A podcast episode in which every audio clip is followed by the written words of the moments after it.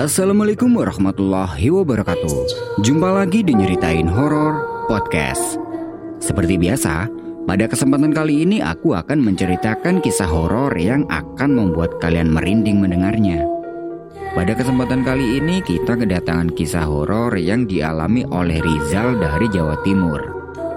Kejadian ini bermula setelah salah satu temannya Rizal mengalami kecelakaan motor dan meninggal dengan keadaan yang mengenaskan. Aduh, gue paling merinding kalau harus nyeritain hantu dari orang yang udah meninggal.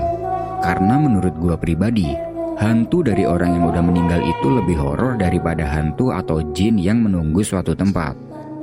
Buat kalian yang punya pengalaman horor dan ingin diceritakan di sini bisa cek infonya di kolom deskripsi. Nah, seperti apa kisahnya? Stay tune.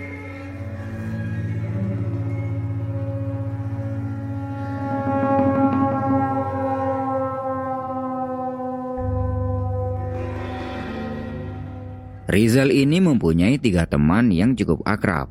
Mereka tinggal di satu daerah, tapi beda desa. Mereka sering nongkrong bareng di warung kopi hingga larut malam. Dan mereka juga sering minum minuman keras. Bahkan, mereka juga sering main kartu pakai uang. Lebih jelasnya berjudi. Kenapa hal semacam itu mereka lakukan?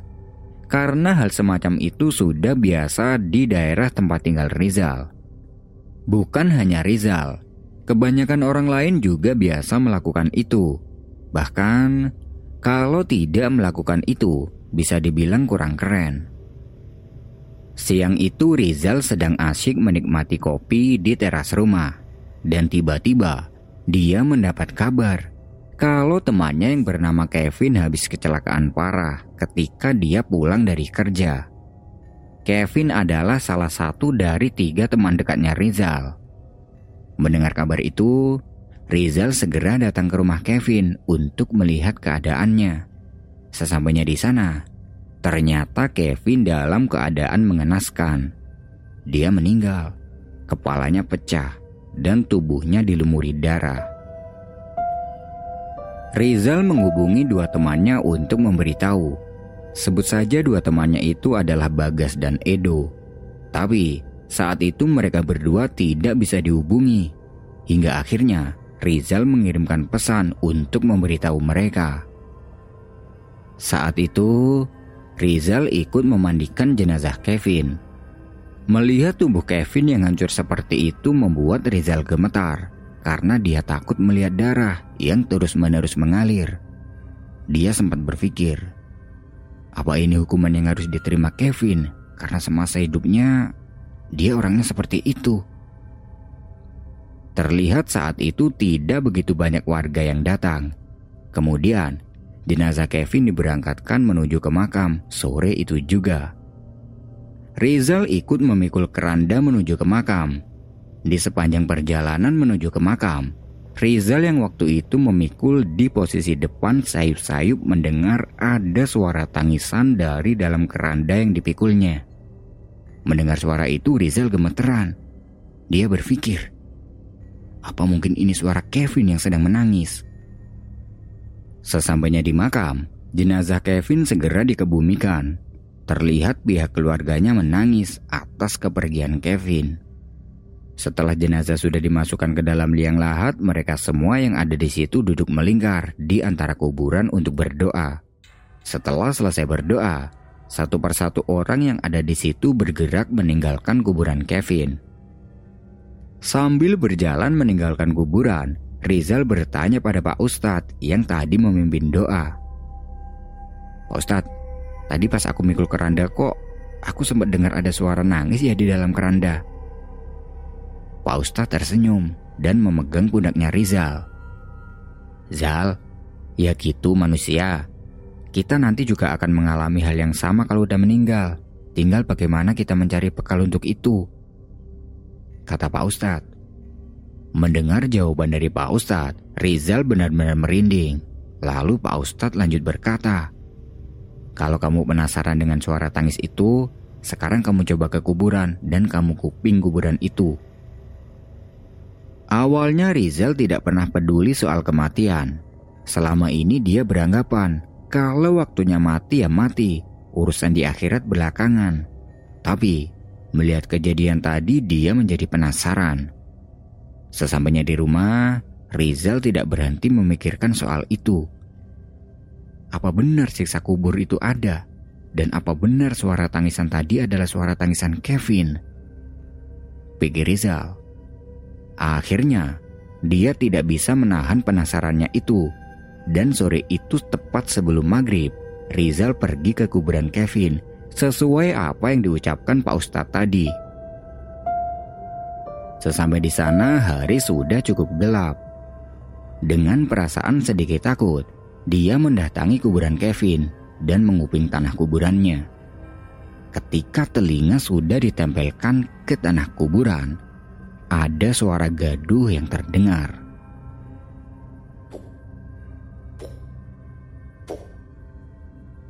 seperti suara orang yang sedang meloncat-loncat. Mendengar itu Rizal segera lari meninggalkan kuburan tersebut karena dia takut. Sesampainya di rumah dia berpikir, itu tadi suara apa ya? Apa itu yang dinamakan sisa kubur? Dari sini Rizal mulai percaya kalau siksa kubur itu memang benar-benar ada. Dan Rizal mempunyai niat untuk mengurangi kegiatan main, minum, dan sebagainya.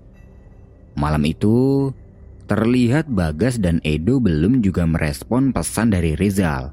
Mungkin HP mereka sudah lenyap karena kalah main, karena biasanya seperti itu. Keesokan harinya, Rizal pergi ke warung kopi tempat dia biasa nongkrong bersama teman-temannya. Dan ternyata, Bagas dan Edo terlihat ada di sana. Rizal segera mendatangi mereka berdua dan bertanya kenapa HP-nya tidak bisa dihubungi. Dan ternyata benar, HP mereka sudah lenyap karena kemarin kalah main. Di situ Rizal memberitahu mereka tentang musibah yang menimpa Kevin. Mendengar itu, kedua temannya terlihat kaget karena beberapa hari yang lalu mereka masih sempat main bareng. Rizal juga menceritakan tentang apa yang sudah didengarnya di kuburan Kevin termasuk suara tangisan ketika dia memikul keranda. Tapi, tanggapan kedua temannya hanya biasa saja.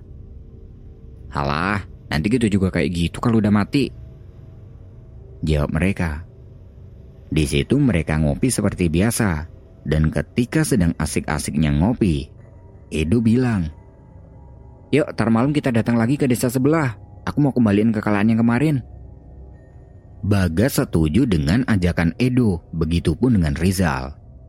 Niatnya Rizal yang sebelumnya ingin mengurangi kegiatan seperti ini tiba-tiba goyah, seperti tidak pernah mempunyai niat itu sebelumnya. Malam harinya, mereka datang ke tempat biasa main kartu, dan malam itu mereka ini menang banyak. Setelah menang itu mereka kembali pulang.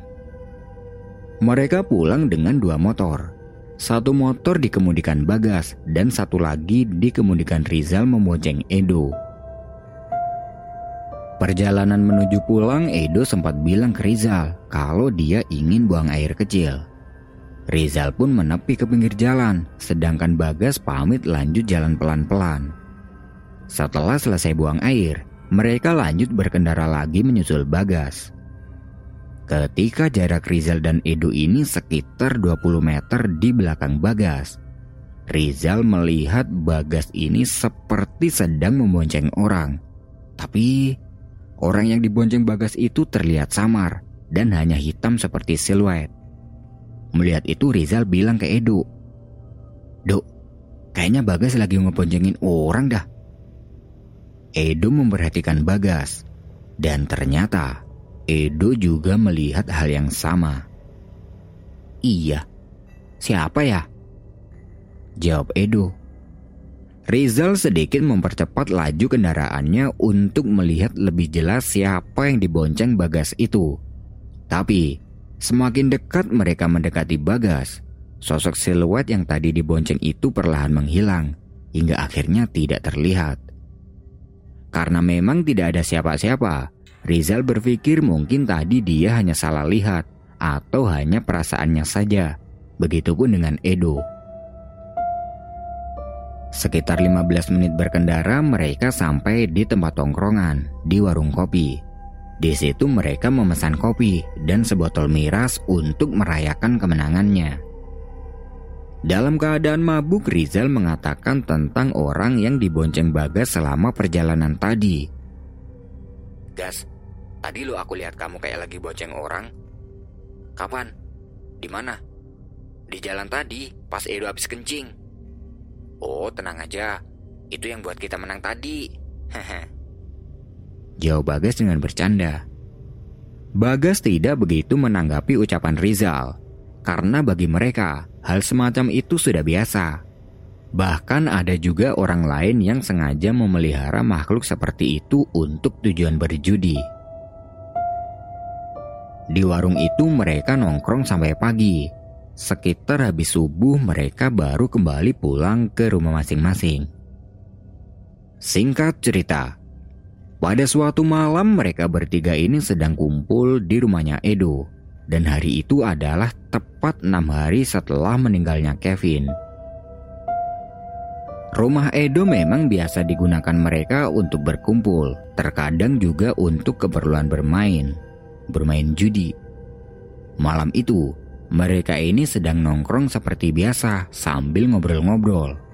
Di sela-sela obrolan itu, tiba-tiba Bagas nyeletuk. Eh, daripada nganggur mending kita main kartu aja kecil-kecilan. Mendengar itu Rizal dan Edo pun setuju. Karena tidak jarang mereka melakukan hal semacam ini kalau sedang tidak ada kerjaan. Karpet mereka gelar di ruang tengah rumahnya Edo dan lampu ruang tamu dimatikan dengan tujuan agar tidak ada orang lain yang melihat kalau mereka sedang bermain. Sekitar pukul satu dini hari, mereka bertiga ini masih melakukan hal itu. Nah, ketika sedang fokus dengan kartunya masing-masing, tiba-tiba terdengar ada yang mengetuk pintu rumah.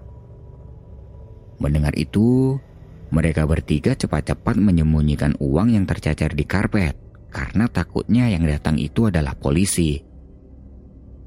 Setelah sudah disembunyikan, mereka berlagak seperti orang yang tidak sedang berjudi. Karena waktu itu posisi duduknya Rizal yang dekat dengan jalan keluar, Edo memintanya untuk membukakan pintu. Pelan-pelan, Rizal berjalan keluar dan sesekali mencari celah dari jendela kaca untuk mencari tahu siapa yang datang malam-malam seperti ini. Tapi tidak terlihat apa-apa karena gelap. Kunci pintu dia putar dan pintu pun terbuka. Terlihat di depan pintu itu tidak ada siapa pun. Dia menoleh ke sana kemari untuk mencari tahu siapa yang mengetuk pintu tadi. Dan dari jarak kira-kira 10 meter di depan rumah, terlihat seperti ada seseorang yang sedang berdiri dengan tenang, tepat di bawah pohon mangga. Karena gelap, Rizal tidak bisa melihatnya dengan jelas. Flash dari HP dia nyalakan untuk memperjelas siapa yang berdiri di bawah pohon mangga itu. Setelah menyala, dia berjalan beberapa langkah ke depan. Dan ternyata Pemandangan tidak menyenangkan yang dia dapati. Orang yang terlihat sedang berdiri tadi ternyata adalah Kevin. Keadaannya berlumuran darah, tangannya patah, kepalanya tidak utuh hingga terlihat otaknya. Persis dengan keadaan setelah kecelakaan kemarin. Di situ dia sedang berdiri tenang sambil membawa pecahan kerangka kepalanya sendiri. Melihat itu Rizal ketakutan hebat. Sekujur tubuhnya kaku dan gemetar. Matanya terus tertuju pada arwah Kevin. Karena jujur saja, Rizal sangat takut melihat darah. Tidak lama kemudian, terdengar suara Edo dari dalam rumah. Siapa yang datang Zal? Rizal hanya bisa mendengar suara Edo, tapi tidak bisa menjawab karena sekujur tubuhnya ini sudah kaku. Perlahan, sosok arwah Kevin menghilang dari hadapan Rizal, tapi dia masih belum bisa menggerakkan kedua kakinya untuk kembali masuk ke dalam rumah. Lalu, terdengar dari belakang ada suara langkah kaki yang mendekat ke arah Rizal dan menepuk pundaknya. Woi, siapa yang datang? Tanya Edo sambil memegang pundaknya Rizal. Melihat Edo datang, Rizal menjadi gagu. Dia menjawab dengan terpatah-patah. Ke, ke, Kevin. Ucapnya sambil menunjuk ke arah pohon mangga. Mendengar itu Edo terlihat sangat kaget. Dia mengarahkan pandangannya ke arah yang dituju ke Rizal. Hus, Kevin, Kevin, Kevin udah gak ada, jangan ngaco. Edo kembali masuk ke dalam rumah dan Rizal menyusulnya. Pintu rumah kembali dikunci dan mereka kembali duduk di karpet tempat bermain kartu tadi. Perlahan, rasa ketakutan Rizal mulai berkurang dan dia mengatakan tentang apa yang dilihatnya tadi pada Edo dan Bagas. Sumpah, tadi di bawah pohon mangga aku ngeliat Kevin. Dia berlumuran darah. Zal, gak mungkin orang yang udah meninggal bisa kembali lagi ke dunia. Itu cuma perasaanmu aja mungkin. Udah, jangan bikin takut. Beneran, aku berani sumpah kalau tadi itu Kevin. Keadaannya sama persis pas habis kecelakaan kemarin. Edo dan Bagas mulai merasa takut karena mungkin yang dikatakan Rizal itu benar. Permainan kartu mereka sudahi dan mereka berencana untuk pergi ke warung kopi tempat biasa mereka nongkrong. Di depan rumah sering kali matanya Rizal melihat ke arah pohon mangga, tempat tadi dia melihat arwah Kevin. Tapi waktu itu sudah tidak terlihat. Di perjalanan menuju ke warung tersebut, Rizal masih memikirkan kejadian barusan. Apa benar tadi itu arwah Kevin? Secara kini belum ada tujuh hari dia meninggal. Entahlah, daripada terus-terusan merasa takut, dia berusaha melupakan kejadian barusan dan menganggap kalau mungkin tadi hanyalah halusinasinya saja. Karena waktu itu dia sempat melihat dan ikut memandikan jenazah Kevin. Sesampainya di warung kopi, mereka memesan beberapa makanan ringan. Dan tidak lupa, Rizal memesan minuman keras dengan tujuan agar dia bisa lupa dengan kejadian tadi. Setelah minum beberapa botol miras, perlahan Rizal sudah melupakan kejadian itu. Kurang lebih pukul 3 dini hari mereka memutuskan untuk pulang ke rumah masing-masing. Sesampainya di depan halaman rumah, terlihat ada seseorang yang sedang duduk di sebuah kursi di teras rumah. Melihat itu Rizal berpikir, siapa malam-malam di rumahku? Rizal terus mengamati orang itu sambil mendekatinya naik motor. Semakin dekat, kok sepertinya orang itu tidak asing bagi Rizal. Ternyata dia adalah Kevin lengkap dengan pakaian sebelum dia kecelakaan seperti tadi. Tapi bedanya, sekarang Kevin tidak terlihat berdarah. Anggota badannya masih utuh, tidak ada yang cacat. Dia terlihat sedang menangis. Sempat ada perasaan takut, tapi karena kali ini Kevin tidak berwujud seperti tadi, Rizal tidak merasa begitu takut dia lekas turun dari motor dan menghampirinya. Jadi bisa dibilang yang dilihat Rizal kali ini bukan arwah Kevin, melainkan Khorinnya. Sesamanya di situ Rizal bertanya pada Khorin Kevin. Vin, ada perlu apa kamu datang ke sini? Alam kita udah beda. Sambil menangis, Khorin Kevin berkata, Kok peci are-are? Kok kau nak sing ngirim tungo nanggonku? Nginceng kuburanku ae oga. Kebangetan anak-anak, kok nggak ada yang kirim doa ke aku? Datang ke kuburanku aja enggak. Rizal kaget mendengar ucapan dari Corin Kevin dan dia juga baru ingat bahwa selama meninggalnya Kevin, dia tidak pernah mendoakannya sama sekali. Mungkin karena itulah Corin Kevin datang ke sini, pikir Rizal. Setelah bicara seperti itu, Khodin Kevin berdiri dari duduknya dan berjalan meninggalkan Rizal. Sedangkan Rizal hanya bisa melihatnya. Semakin jauh berjalan, Corin Kevin sudah tidak terlihat. Rizal kemudian memasukkan motor ke dalam rumah dan lanjut ke kamar untuk tidur. Sebelum tidur, dia memikirkan kejadian barusan dan menaruh kasihan pada Kevin.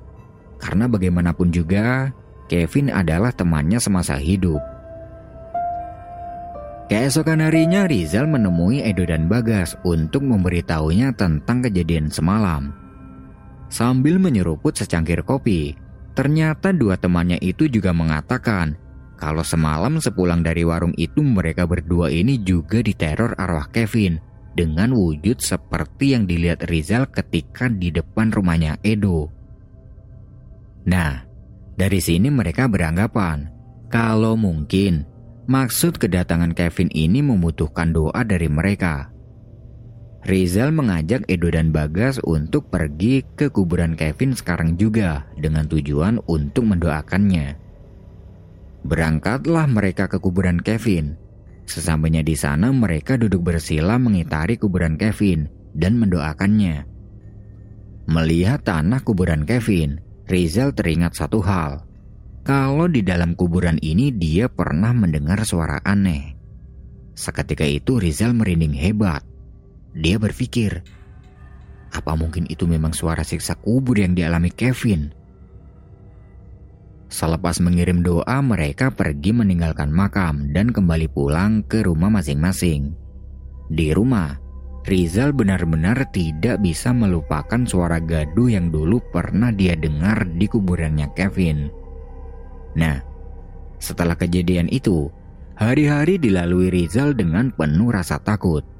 Dalam pikirannya selalu terbayang suasana di dalam kubur, hingga dia berniat untuk menyudahi kegiatan negatif yang selama ini dia lakukan, alias bertobat. Sholat lima waktu sudah mulai dia lakukan, meskipun terkadang masih bolong. Dia juga mulai membatasi bergaul dengan Edo dan Bagas, dengan alasan dia ini sedang ada pekerjaan di luar kota, agar tidak menyinggung perasaan mereka. Sesekali dia juga masih berkumpul dengan Edo dan Bagas, karena bagaimanapun juga mereka adalah temannya. Tapi meskipun berkumpul, sekarang Rizal sudah tidak pernah melakukan hal negatif itu. Dia selalu menolak setiap kali diajak Edo dan Bagas. Nah, itu tadi adalah sebuah kisah horor yang bisa aku sajikan ke kalian semua. Buat yang masih stay, aku ucapin terima kasih dan tunggu kisah horor selanjutnya.